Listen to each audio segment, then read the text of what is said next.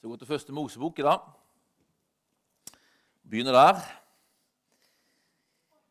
Første Mosebok det er første boka i Bibelen. det. Kapittel 28. Og Vi skal lese om Jakob. Jakob dro fra Beersheba og tok veien mot Haran. Han kom fram til et sted der han ble natten over, for sola hadde gått ned. Han tok en av steinene på stedet og la den under hodet. Så la han seg til å sove. Da hadde han en drøm. Se, en stige var reist på jorden, og toppen av den nådde til himmelen. Og se, Guds engler gikk opp og gikk ned på den. Da sto Herren foran ham. Han sa, 'Jeg er Herren, din far Abrahams og Isaks Gud.' 'Den jorden du ligger på, vil jeg gi deg til deg og din ett.' Din ett skal bli som støvet på jorden. Du skal bre deg ut mot vest og øst, mot nord og sør. Og i deg og din ett skal alle slekter på jorden velsignes. Se, jeg vil være med deg og bevare deg overalt hvor du går, og føre deg tilbake til dette landet. For jeg skal ikke forlate deg, men gjøre det jeg har lovet deg. Da våkna Jakob av søvnen og sa, Sannelig, Herren er på dette stedet, og jeg visste det ikke. Han ble redd og sa, Hvor skremmende dette stedet er. Dette må være Guds hus. Her er himmelens port. Om morgenen sto Jakob tidlig opp. Han tok steinen han hadde hatt under hodet, og reiste den som en støtte. Så helte han olje over den. Han kalte stedet for Betel, men tidligere het byen Luss. Så ga Jakob dette løftet. Om Gud er med meg og bevarer meg på veien der jeg går, om han gir meg brød å spise og klær å ha på meg, og la meg vende tilbake til farshuset mitt i fred, da skal Herren være min Gud. Denne steinen som jeg har reist som en støtte, skal være Guds hus. Av alt du gir meg, skal jeg gi deg tiende, står det der. Så Jakob han, han legger seg, intetanende, og så får han en drøm som gir han en slags innsikt i hva han egentlig er med på. Hva er det som er på gang der han ligger? Sånn kan det være. Jeg husker, jeg husker en, en, gang vi var, i, vi var i Russland på misjonstur. Og vi kom til St. Petersburg. Og eh, eh, du vet, Russland er ikke så spesielt internasjonalt. Iallfall ikke var det ikke det da. Så alle skilt, alle veiskilt sto på russisk. Vi fatta ingenting. Og vi sirkla rundt i St. Petersburg, og det er jo en litt stor by. Så dette man sirkla rundt der, og etter hvert annet man her kjører vi litt i sirkler. Og Det begynte å bli seint, og så plutselig så, så dukker det opp en politimann. Han kommer kjørende med sin politibil, han parkerer, han stiller seg opp og begynner å liksom dirigere trafikken. Og tenkte vi Oi, en politimann. Han må vi spørre om hjelp. Så en av våre unge kvinnelige ledere hun liksom som hadde ansvar for å finne fram til der vi skulle bo, hun liksom hoppa ut av bilen og løp litt, litt lett fram mot denne politimannen. Hun tenkte at politimenn i Russland de er som i Sverige, hyggelige og serviceinnstilte. Kommer og nærmer seg. Nærmer kanskje to-tre meter, begynner å ta opp kart og skal klare forklare. Plutselig så drar denne politimannen opp en megafon og begynner bare å skrike inn i megafonen på russisk. Og det er som at hun bare hopper til og bare snur og forstår at her er ikke populært, og løper tilbake igjen og hiver seg inn i bilen. Og Imens så har på en måte denne politimannen fått stoppe alle, alle biler. Og så plutselig Hva er det som skjer? Hva er det vi er med på? Plutselig så kommer det en karavane av fine, blankpussa limousiner. Jeg tok med et bilde her for å se sånn cirka hva det var som kom. Det hadde ikke amerikansk flagg. Men vi forstår Wow! Her er det noen høye herrer på gang. Hvis ikke det var Putin, så var det noen som var veldig nære. Og Plutselig så sitter man der helt sånn sjokkert over hva som har skjedd. Og plutselig Oi! Presidenten var i byen. Og vi visste det ikke. Altså, det er omtrent sånn som Jakob har det her. Oi, her har jeg fått være med på noe som jeg ikke ante. Jakob han er på vei til Haran, til slektningene som han har, der han kommer til et sted der han vil slå leir for kvelden. Han tar en stein, en helt vanlig stein, legger det under hodet og sovner. Og så i søvne så har han denne drømmen som viser han hva han er med på. Og Jakob han har hele tida vært en som stoler på sin egen styrke, eller egentlig sin egen sleiphet. Jakob var ganske sleip. Han, han har lurt eh, bror sin Esau på førstefødselretten. Han har, han har liksom uh, lurt til seg pappa Isaks velsignelse. Og Esau, broren, har blitt rasende, og nå er han på flukt helt enkelt fra en bror som vil ta ham. Og I kapitlene som kommer, så leser vi om Jakob. Og at Gud han gjør noe med denne Jakob. Navnet Jakob betyr jo helt enkelt en forræder. Og I kapitlene som kommer, så ser vi hvordan Gud forvandler denne Jakob som bedrar, til en mann som ikke lenger stoler på egen styrke, men som begynner å stole på Guds styrke. Som får et nytt navn som han mer og mer skal leve opp til, nemlig Israel. Som betyr en som står med Gud, stoler på Gud og ikke har svik i livet sitt. Og Det er denne forvandlingsprosessen fra Jakob til Israel som egentlig begynner her, på dette stedet, der Jakob hviler på en stein. Hvilende på denne steinen så innser Jakob at han er på et sted der Herren er. Hvilende fra den egne styrken den egne sleipheten, om du vil, oppdager Jakob at Gud er der hos ham. At Gud taler, og at Gud har velsigna ham. Han oppdager at over stedet der han hviler, så går det en stige opp til himmelen, der engler går opp og ned. Der det er en åpen himmel, og der han betjenes med det himmelen har å gi. Løfter gis til ham om fruktbarhet, beskyttelse og fellesskap. Det er det her Jakob innser at han får være med på. Hva er det? Åssen er det så med oss? Det er interessant det her, for Jesus han drar en kraftig parallell til denne hendelsen når han møter Natanael, en av de første disiplene, i Johannes 1. Og Vi leser fra Johannes 1. Det er bra å lese litt bibeltekster, er det ikke det? Johannes 1, vers 43. Dagen etter ville Jesus dra til Galilea. Da fant han Philip og sa til han, 'Følg med.' Philip var fra Betsaida, den byen Peter og Andreas var fra. Philip traff Nathanael og sa til ham, 'Vi har funnet han som Moses har skrevet om i loven,' 'og som også profeten har skrevet om.' 'Det er Jesus fra Nasaret, Josefs sønn.' 'Kan det komme noe godt fra Nasaret?' sa Nathanael. Philip svarte, 'Kom og se.' Jesus så Nathanael komme gående og sa, 'Se, der er en sann israelitt, en som er uten svik.' 'Hvor kjenner du meg fra?' spurte Nathanael. Jesus svarte, 'Jeg så deg før Philip ropte på deg, da du satt under fikentreet.' Da sa Nathanael, 'Rabbi, du er Guds sønn, du er Israels konge.' 'Tror du fordi jeg sa at jeg så deg under fikentreet?' sa Jesus. 'Du skal få se større ting enn dette.' Så sa han, 'Sannelig, sannelig.' Jeg sier dere, dere skal se himmelen åpnet og Guds engler gå opp og gå ned over menneskesønnen. Jesus kobler det som Jakob fikk være med på, til den realiteten som gjelder for den som følger ham. Han roser troen til Nathanael, og, så, og så, så, sier han, 'Tror du fordi jeg sa at jeg så, så deg under fikentreet?' Du skal få se større ting enn det her. Du skal få se himmelen åpna og Guds engler gå opp og ned over menneskesønnen. Den realiteten som Jakob innså at han var med på, skal gjelde du, Nathanael, når du følger med.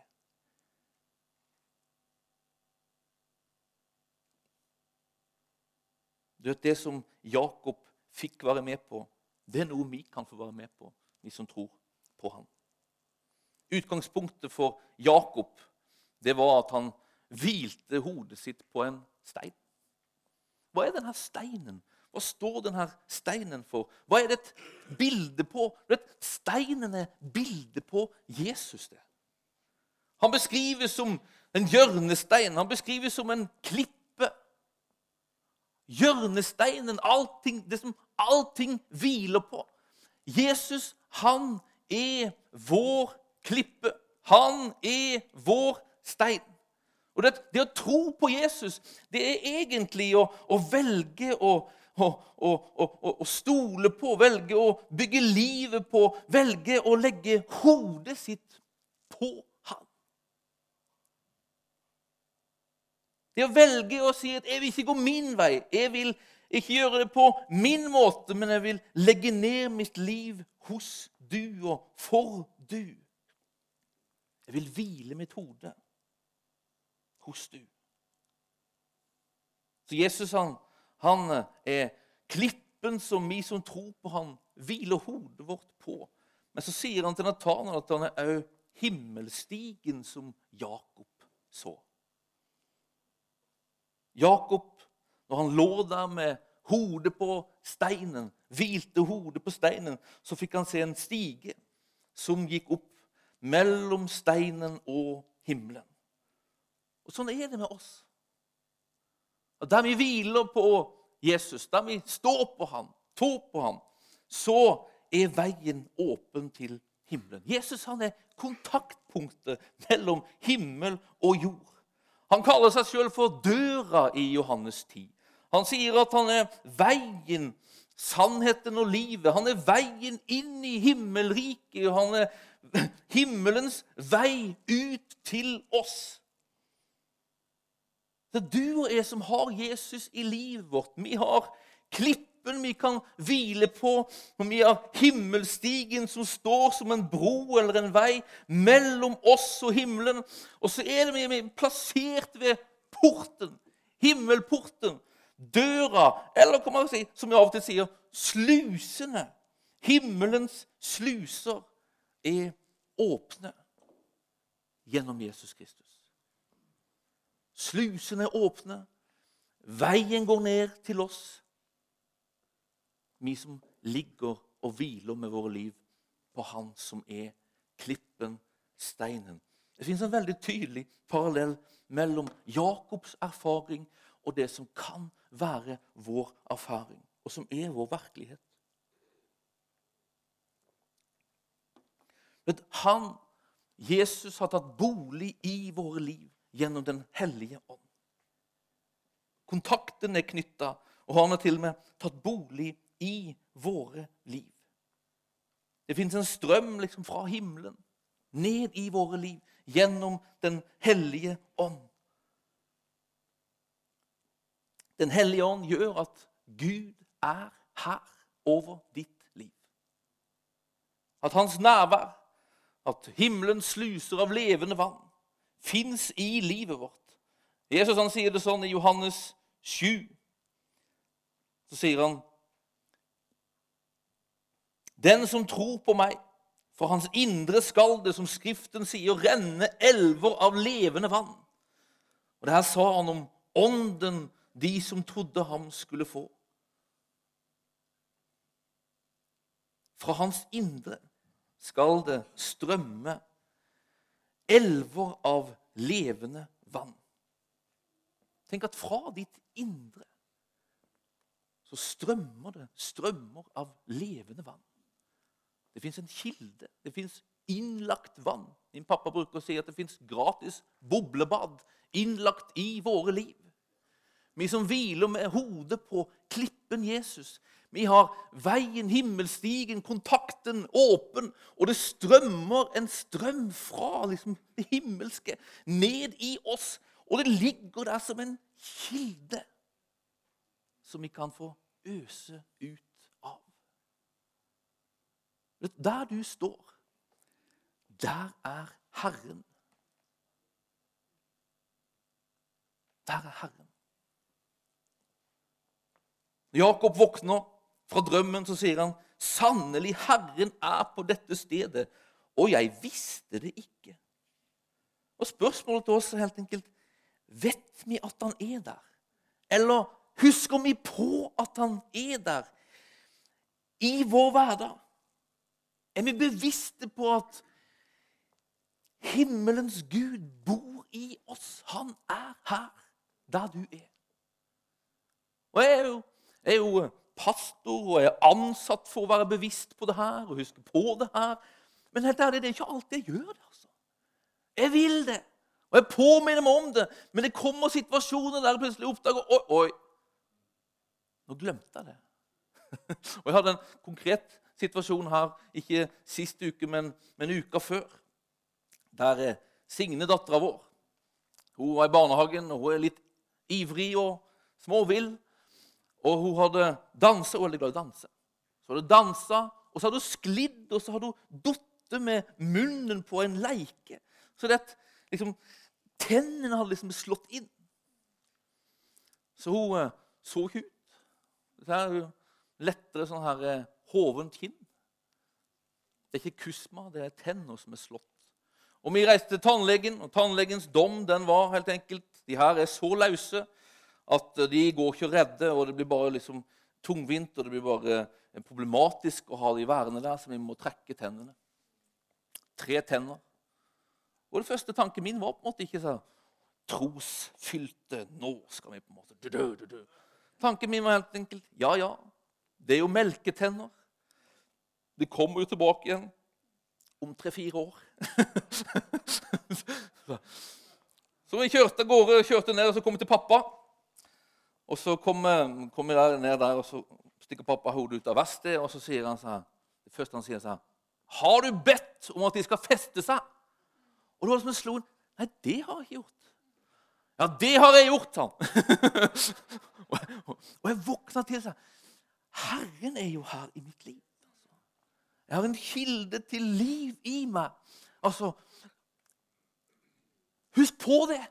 Altså, så den korte veien fra mamma di og hjem i bilen, da ba jeg, proklamerte og ba. Sto på. Så, og så, og så skulle vi tilbake til tannlegen neste dag, for da skulle tennene trekkes. Og så kommer vi tilbake til tannlegen, og så undersøker hun tennene og sier men, men de her tennene de har begynt å feste seg. Så det, jeg tror vi drøyer den.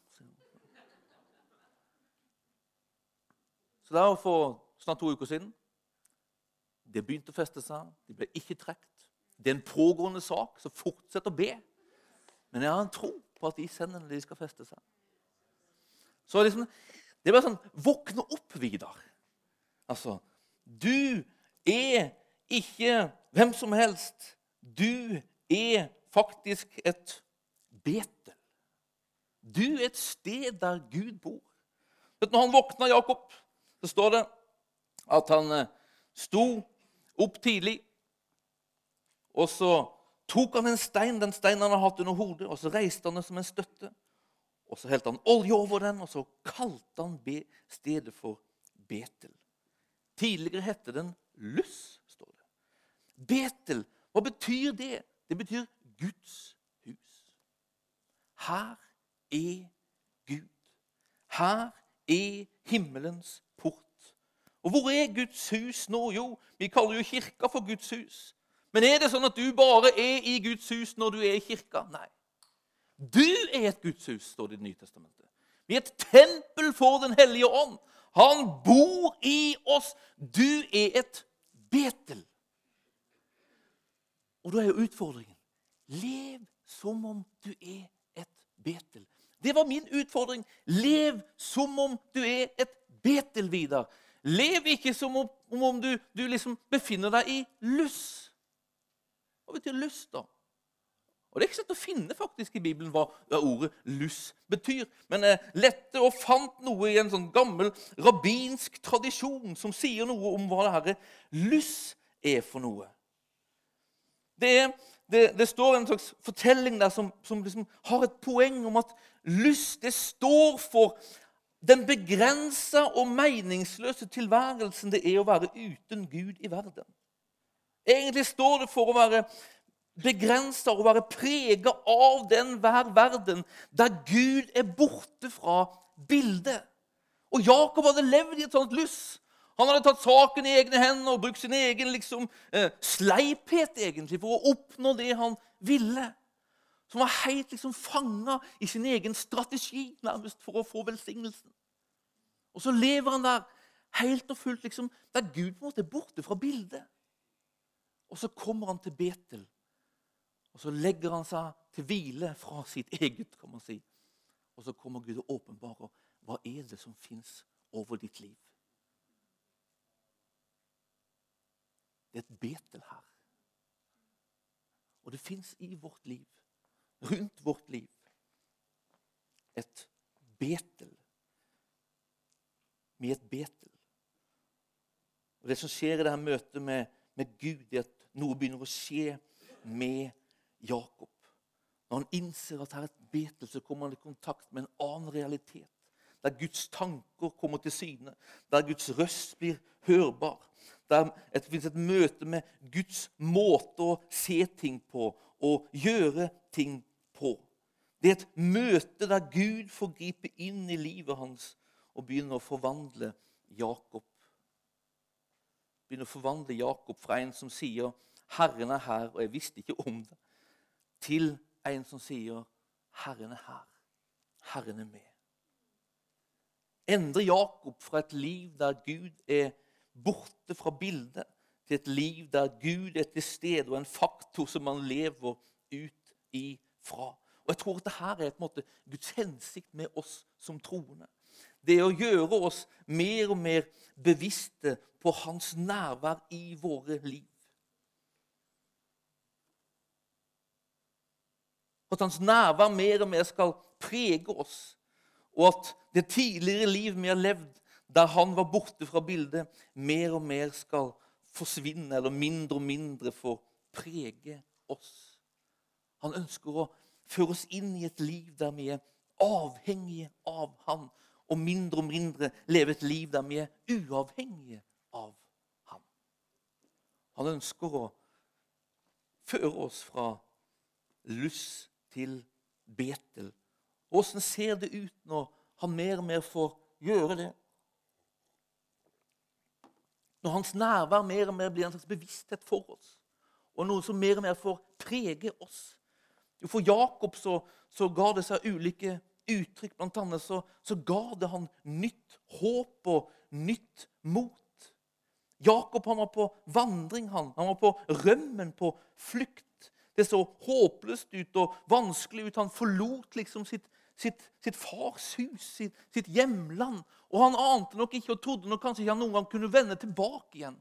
Men så kommer han til dette stedet, og så, så blir det åpenbart at her er det et Betel, og Gud er her. Og så begynner på dette stedet, så taler Gud. Og så bringer det et nytt håp. Det er ikke slutten. Det fins en framtid. Alt det her er så til stede der Gud er nær. Jeg husker en periode i mitt liv der jeg på en måte så, så mørkt på ting, og det virka så håpløst. Konkrete områder i livet virka helt håpløst. Og så husker jeg at jeg lærte liksom det her å, å, å, kjenne hans nærvær, å få være i hans nærvær. Og jeg la merke til når jeg var i hans nærvær, så var håpløshet borte. Altså, Gud er håpets gud, og når du kjenner hans nærvær, så senser du egentlig bare håp. Det er håp der. Og etter hvert som jeg kjente der håp, så var på en måte det her, en del av veien ut av håpløsheten ble liksom at det ble Det var liksom urimelig for denne Gud som jeg kjente så nær iblant, at det skulle være håpløst. Altså, for han er ingenting håpløst. Det er alltid en utvei. Det er alltid en løsning. Det fins alltid en framtid. Det fins alltid håp. Det er hans tanker for oss og vilje for oss. Og når vi er bevisst på hans nærvær, så er det til stede og får prege oss. Det andre det at det å være bevisst på Guds nærvær i livet ditt gjør noe med frimodigheten. Hos Jakob så vekkes det en frimodig bønn, og det var akkurat det som skjedde med meg. altså, på veien fra pappa til hjemme så var det frimodig bønn som gjaldt. Altså. Altså, for Jeg fikk en påminnelse. Og det å være i hans nærvær, kjenne hans nærvær, det vekker frimodighet. Man våger ting sjøl om omstendighetene dine er vanskelige.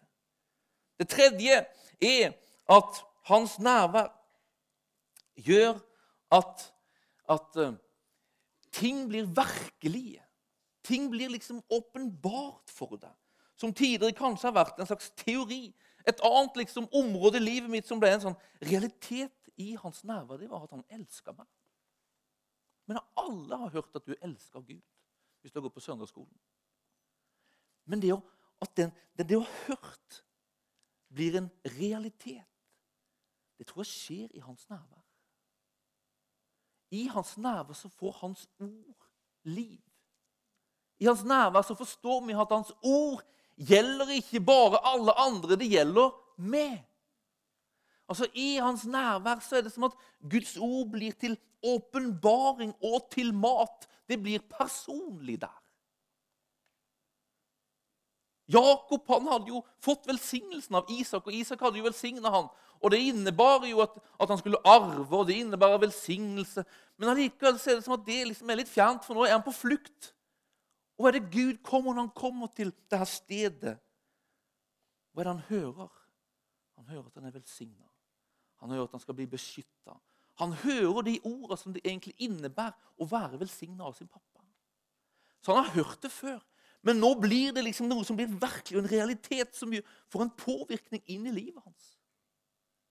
Som gjør at han får et håp om det, og han får en tro på det som han ikke hadde fra før av. Guds ord får liv der han er nær i livet våre. Jakob han sier òg at hvis det nå er sånn som Gud sier til ham, da skal Gud få tienden hans. For Det å være bevisst på hans nærvær det påvirker våre prioriteringer.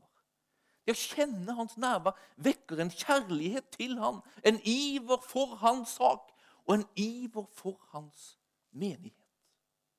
Det oppstår der du er bevisst på at Gud, han er nær i mitt liv. En annen ting som skjer, det er at det å være bevisst på hans nærvær, det å kjenne hans nærvær, da blir vi prega som vi ligner han. Jeg husker denne perioden i mitt liv der jeg på en måte virkelig liksom fikk tak på det her og, og sense hans nærvær. og Elsker å være der der han var, og kjenne at han er her i livet mitt. Det var en periode jeg begynte å, å ligne ham. Og jeg fikk høre til og med blant mennesker at det har skjedd noe med deg. Du er forvandla. Vi kan se at du er kristen. Og Jeg syns det er noe av det gøyeste å høre, faktisk, både for mitt liv og for deres liv, at mennesker ser at vi er annerledes. Merker at det er noe annerledes. Underforstått at vi ligner ham. Vet du hva? Det skjer i en møteplass med ham. Der hans nærvær får bli merkbart for oss på en sånn måte at det får prege oss. Og Det siste det at det å være bevisst på hans nærvær gjør at han lettere kan tale til oss og lede oss. Det som skjer med Jakob, han hører Herren tale. Han hører Herren tale. Og i hans nærvær så taler Gud til oss. Så det er på en måte frukten i Jakobs liv. Og jeg tror er Guds tanke får en frukt i våre liv ut ifra at vi mer og mer blir bevisste på at han fins i livet vårt. Han er nær oss. Og at han får gi oss en opplevelse, en erfaring òg, at han er det. At hans nærvær, tilstedeværelse i livet vårt, ikke bare er en teori, men at det blir en erfaring. Og det skjer gjennom Den hellige ånd. Det skjer med at vi søker oss dit, til han, venner oss til han og at han får prege oss og forvandle oss. Han ønsker å forvandle oss til et folk som er prega av at han er nær. Han ønsker å forvandle oss. Jeg leste en eh, bok Jeg har lest den faktisk flere ganger. Ganske tidlig med kristne liv en som heter Richard Foster. Jeg leste den på svensk. Jeg har den på svensk, Derfor er det en svensk tittel der. Den heter sikkert noe annet på norsk. 'Strømmer av levende vann', heter den handler helt enkelt om hvordan man kan ta seg til de her stedene der vi kan få være med Han og bli bevisst på at Han er nær i livet vårt, og få på en måte bli prega av det. Og Han sier Gud ønsker å forvandle oss. Og Han gjør det på to måter. sier Han Han gjør for det første gjennom å måte, gripe inn i livet vårt på liksom spesielle, spesielle anledninger. ved kraftige gudsmøter på spesielle steder. Sånne opplevelser som du husker sted og dato for. Og Jeg har noen sånne eh, eh, erfaringer i livet der Gud bare har møtt meg eh, på så kraftfullt måte at jeg bare husker stedet og datoen for når det skjedde. Og Det gjør på en måte at liksom det får et slags, en, en, ordentlig boost i livet. Han får liksom gjøre et dypt inn, inn, inn, inntrykk. Inngripen inn. Ja. ja. Han får gjøre noe kraftfullt, altså. Som merker oss. Men greia liksom at de her kraftige gudsmøtene de, de sier noe liksom litt hvis det går for lang tid mellom dem. Og han Richard Foster han sier seg, vet du hva? De der hendelsene de er kjempeviktige, og de gjør noe dypt i livet ditt. Men vet du hva, sier han? Det er ikke den hovedsakelige måten som han ønsker å forvandle ditt liv på. Det er ikke de episodene der han bare griper suverent inn og møter deg. Nei, sa han, det er de daglige situasjonene der du vender deg til han og søker han.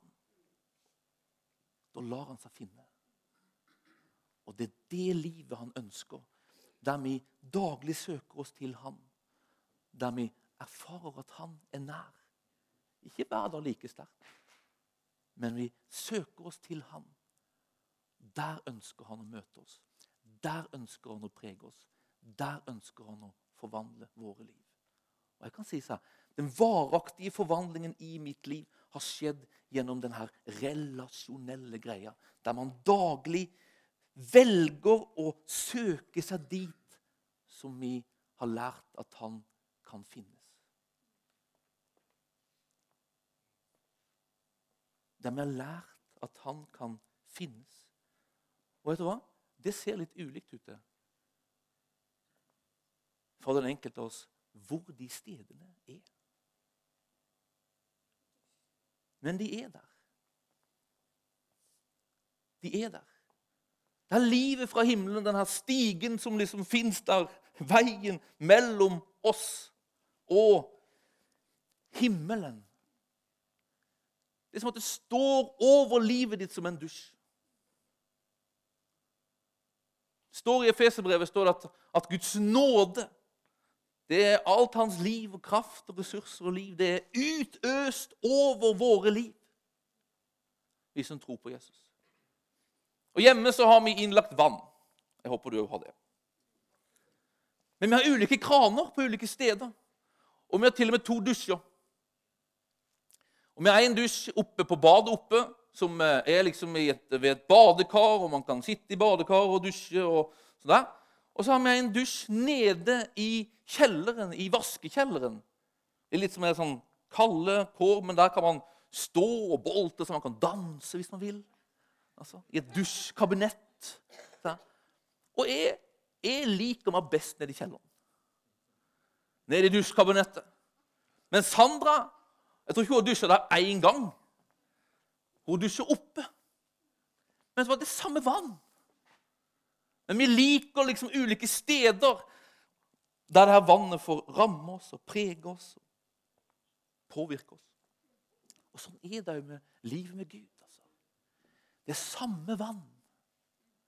Men så er det som at det finnes ulike steder i livet der vi har lært oss at her connector jeg med dette vannet som strømmer. Her har jeg lett for å bli bevisst på at det finnes en strøm av liv som er retta mot meg. Her kommer jeg lettere i kontakt med denne kilden som ligger i meg. Her har jeg lettere for å øse av denne kilden, sånn at det blir til påvirkning for mitt liv. Og Der er vi ulike. Og egentlig, Det fins ikke noe fasitsvar. Du må nesten finne stedet sjøl. Bruker å bruke jeg og Kristine som eksempler. For at jeg liker meg best der. er det. Det bør ikke være så koselig engang. Men det må være liksom avskilt i et rom, gjerne en del bøker der. Et sted å sitte, en kaffekopp som er fylt opp. Persiennene kan godt være nede, det er ingenting. For når jeg sitter der med Bibelen, med kaffen, da er det som at da liker jeg meg, og da har jeg lett for å bare legge bort alt annet og fokusere på Han for å møte Han som bor i meg. Det å møte han handler ikke om å rope ned. Det handler helt enkelt om å stille seg ned og vende seg inn her og si 'Nå vil jeg være med du. Da er han der. Derfor du er et Betel.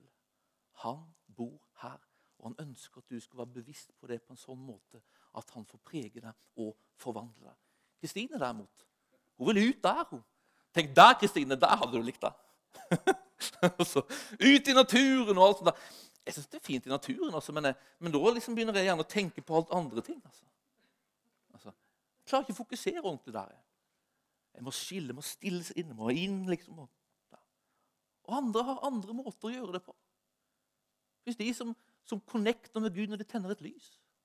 Og Selv om det er helt fjernt og annerledes enn det jeg tenker, så, så må jeg ha respekt for det. Og Gud han, liksom, han er mest ute etter å møte oss. Altså.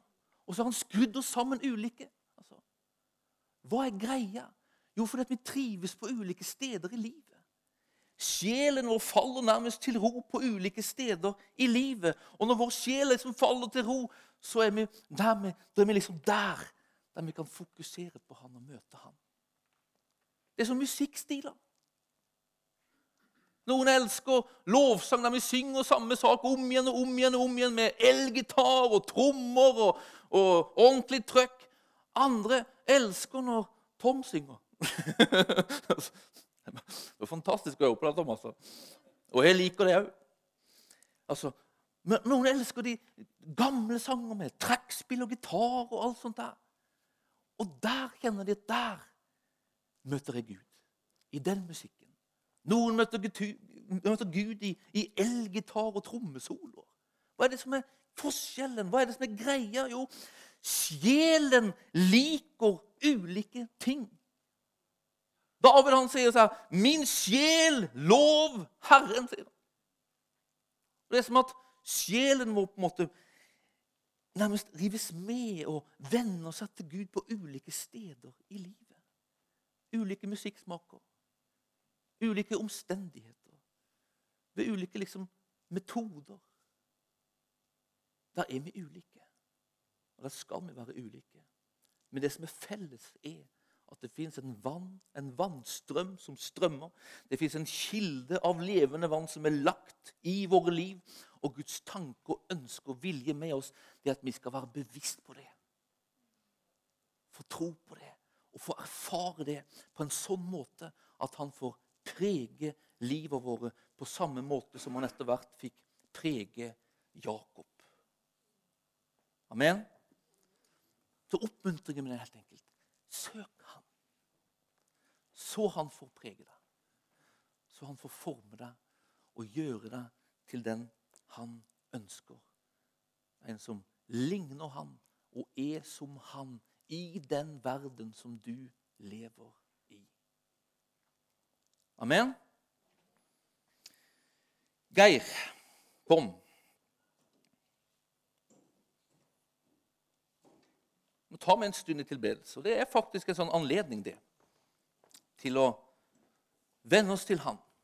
Til å si til Han at 'nå vil jeg ha fellesskap med du'. Jeg vil kjenne ditt nærvær. Jeg vil kjenne ditt nærvær så er det her på en måte med å kjenne hans nærvær Det kan være noe som liksom er sånn Nesten litt sårt og vanskelig for noen. Jeg var på Arken nå sist. og Da kom det ei jente hen til meg. Hun hadde gått på bibelskolen fra august til februar. var det da. Og Jeg delte litt av mitt liv, og blant annet noe av det her. og Så kom hun fram til meg og sa sånn, kan du be for meg. For jeg lengter så etter å oppleve det her og kjenne hans nerver som du beskriver. Og Sånn kan det være, altså.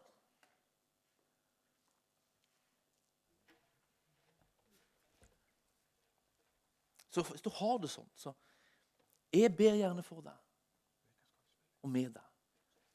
Og så tror jeg på en måte at noe i det der, altså Med å finne det her stedet der du kjenner hans nerver, det handler om faktisk om å søke ham. For meg så tok det egentlig tre måneder nærmest av liksom frustrasjon av å komme dit at jeg bare kjente at han bodde i mitt liv. Så jeg kjente nærværet av han. Søk, og du skal finne. Søk, og du skal finne. Det ble på en måte min vei. Og jeg tror det er noe i det der, altså. Ikke gi opp det. Selv om du opplever at det er vanskelig, det her med det å kjenne Guds nærvær og være bevisst på at han er nær alltid. Ikke gi opp det. For han ønsker at du skal være bevisst på det. Han ønsker at du skal oppleve det her, at han, at han er der. At du får møte han og kjenne det her vidunderlige nærværet av han i ditt liv. Fortsett å søke. Fortsett å søke. La det her bli en sånn stund der vi venner oss til Han.